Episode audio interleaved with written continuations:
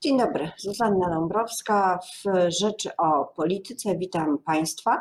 Moim gościem jest y, u siebie w domu posłanka nowoczesnej Paulina Henning-Kloska, także Koalicja Obywatelska. Witam Panią.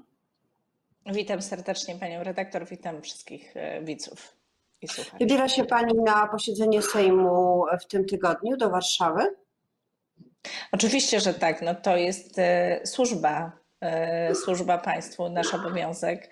Liczę, że Kancelaria Sejmu zadba o nasze bezpieczeństwo w odpowiedni sposób, e, tak byśmy z powrotem nie przywieźli do swoich miast e, choroby. Czekam na tak naprawdę szczegółowe rozwiązania, w jaki sposób będziemy pracować, a że pracować trzeba, to jest dla mnie rzecz oczywista.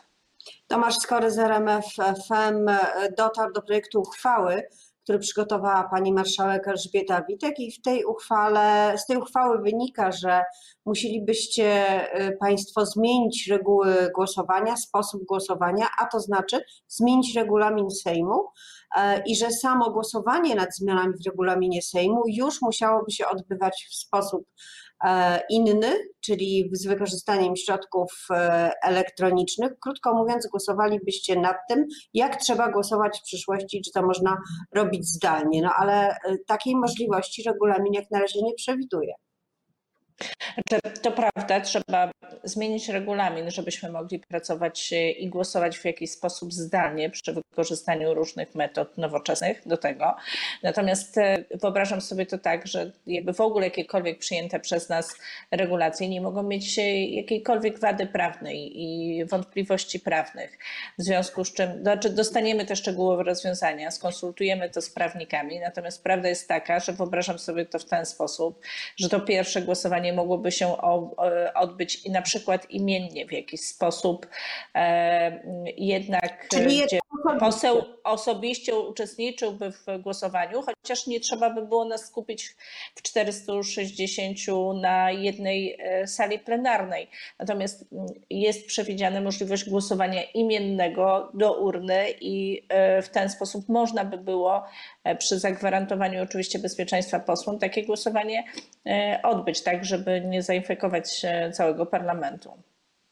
A nad czym Państwo będziecie głosować? Czy to jest to, co Sejm ma do zrobienia, czyli tarcza antykryzysowa? To jest to główne zadanie i e, nie ma nic ważniejszego teraz? Czy są jeszcze jakieś inne uregulowania, które, e, w których powinno zapaść rozstrzygnięcie?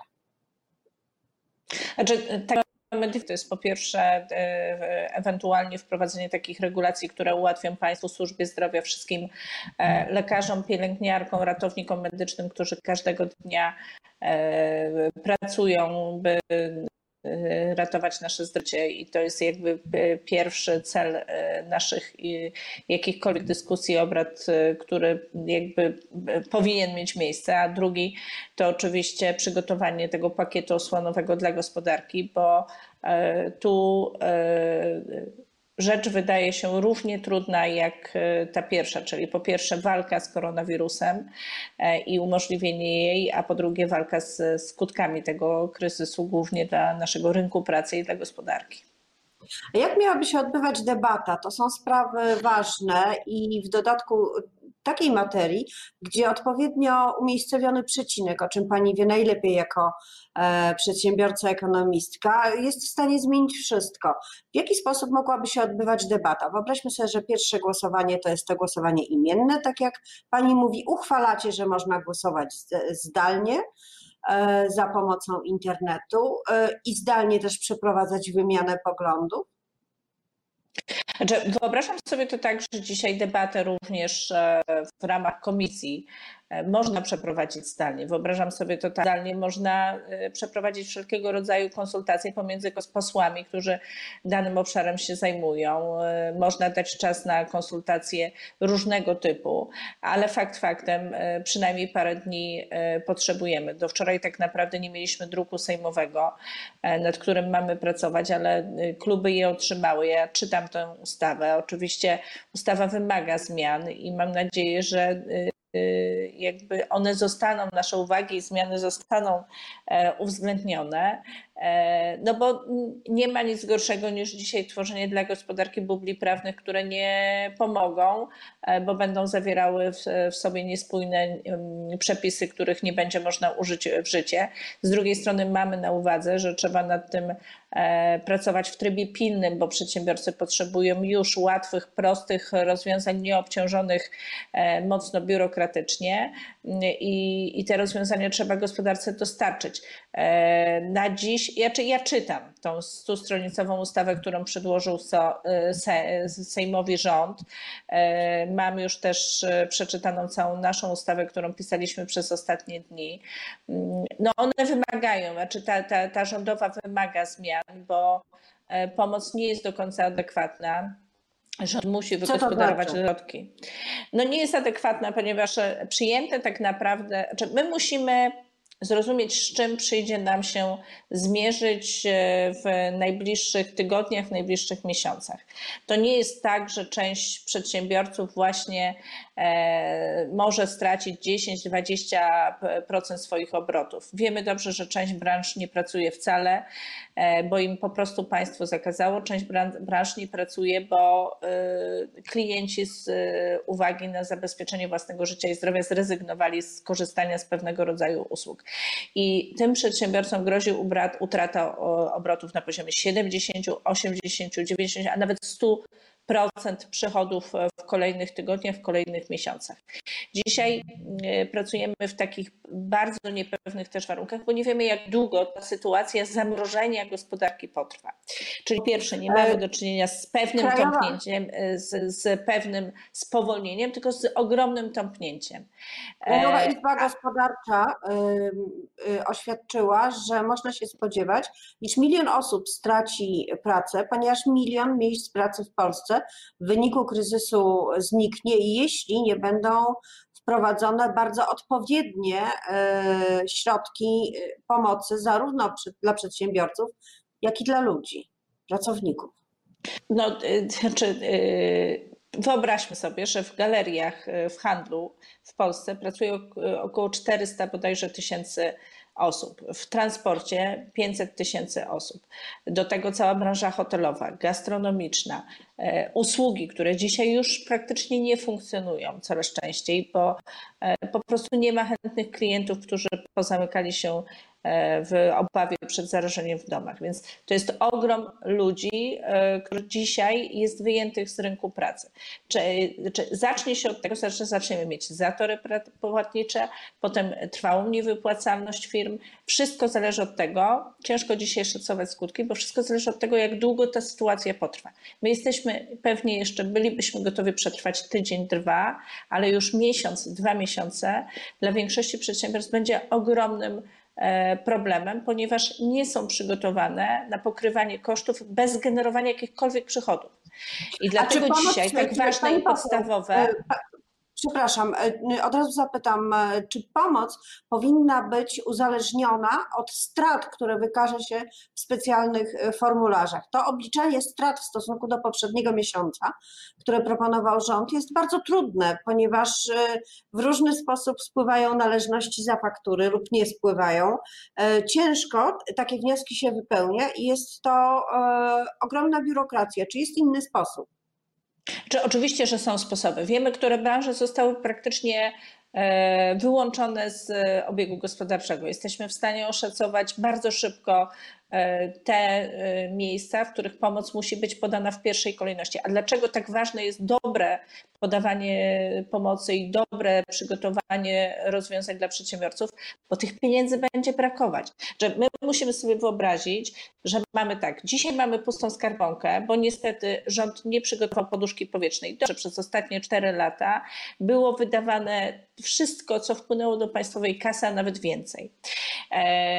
Inne kraje, jak Niemcy, zrobiły sobie porządne poduszki powietrzne, generując nadwyżkę finansową w tych e, tłustych latach. Myśmy o to apelowali do rządu. Rząd nie brał pod uwagę, że może e, spotkać się z jakimś kryzysem, a ten kryzys przyszedł większy niż można było się spodziewać. Więc mamy pustą skarbonkę. Będziemy mieli do czynienia z spadkiem przychodów do kasy państwa I jednocześnie z e, tym, że musimy wydać więcej. I nie tyle, ile dzisiaj mówi rząd, bo 30 milionowane przez rząd plus e, płynność, wsparcie płynności ze strony banków, bo cała reszta tego pakietu, tej tarczy, e, to jest tak naprawdę pomoc banków. Państwo przygotowało pomoc na poziomie 30 miliardów złotych maksymalnie. My będziemy musieli przygotować na interwencję w gospodarce około 100 miliardów złotych, a może i więcej.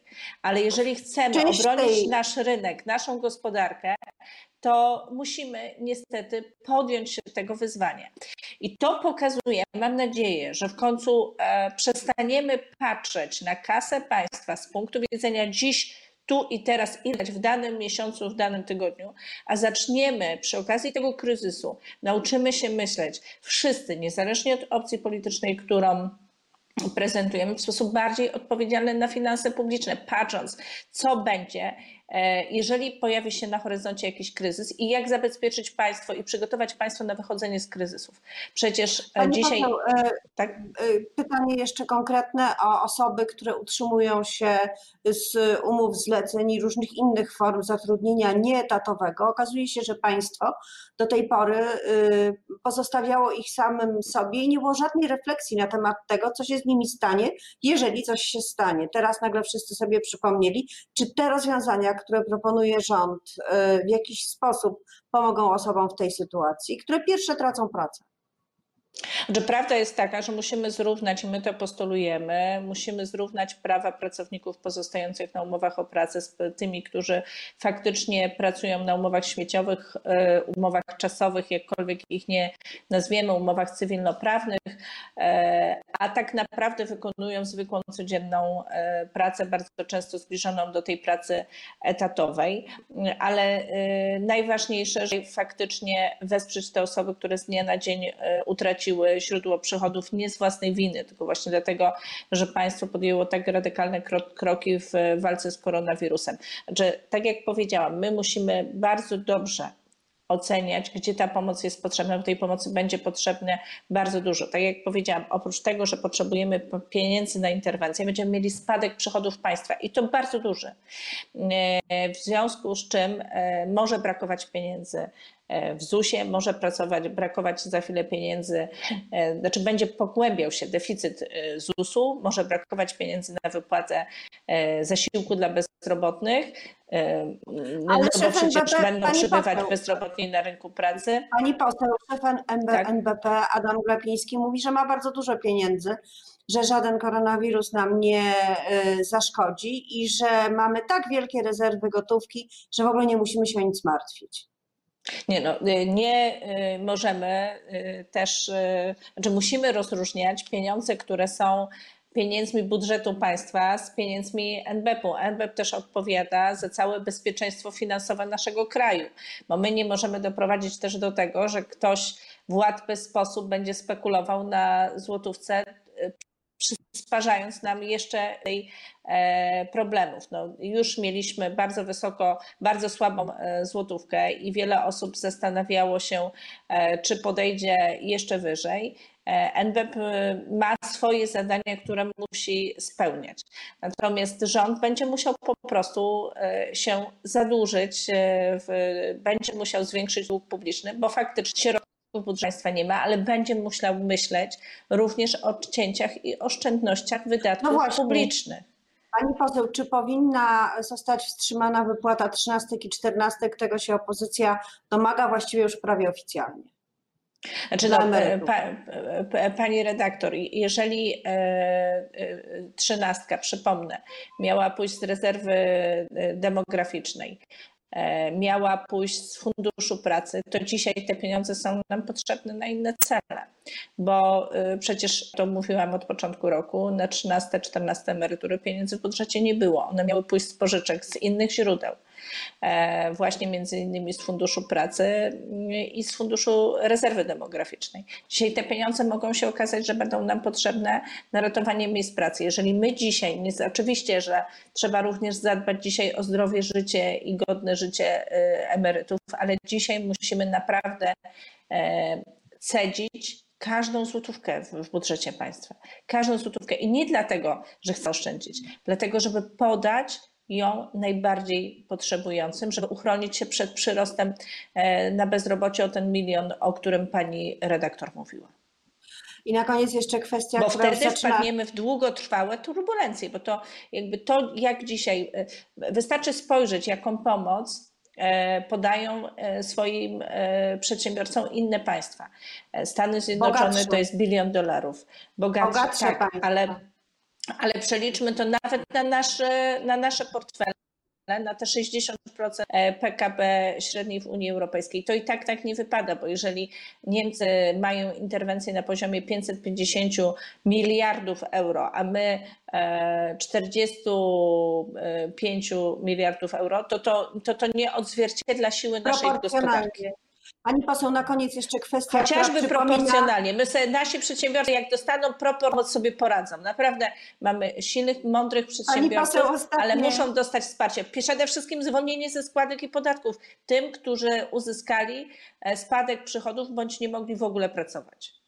To jest Ostatnie konieczne. pytanie, ostatnia kwestia przypominająca kwestię zburzenia Kartaginy, czyli wybory prezydenckie. Czy powinny być przeniesione i kiedy powinna zapaść decyzja w tej sprawie?